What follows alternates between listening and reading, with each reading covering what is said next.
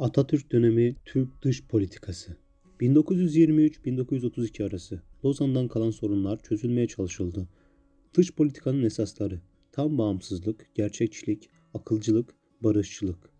1. Musul meselesi Lozan'da gündeme gelmesine rağmen çözümü sonraya bırakılmıştır. 1924'te bu sorunu çözmek için Haliç Konferansı toplanmıştır.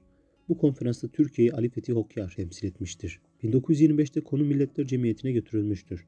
Doğuda Suriyelilerin İngilizler tarafından silahlandırılması, Süleymaniye kentinin vurulması ve Doğuda Şeyh Said isyanının çıkması Türkiye'nin Musul üzerindeki etkinliğini azaltmıştır. 1926'da Ankara Anlaşması ile bu sorun çözülmüştür. Buna göre Musul İngiliz mandaterliğindeki Irak'a bırakılacak ve Musul petrollerinin %10'u 25 sene ile Türkiye'ye verilecek gibi kararlar alınmıştır. Bu sorun misak-ı milliye uygun çözülmemiştir.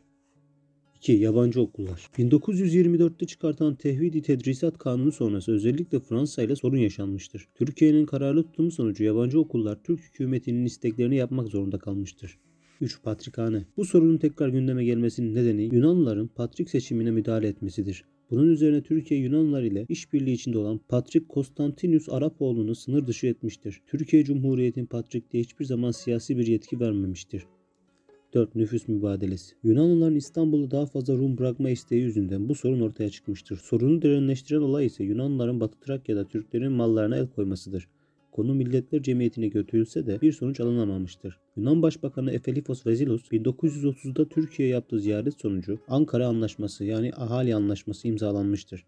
Buna göre İstanbul'a yerleşme tarihine bakılmaksızın herkes İstanbul Rumu sayılarak mübadele dışında tutulmuştur. Yunanlılarla dostane ilişkiler 1954 senesine kadar devam etmiştir. Yani Kıbrıs sorununa kadar.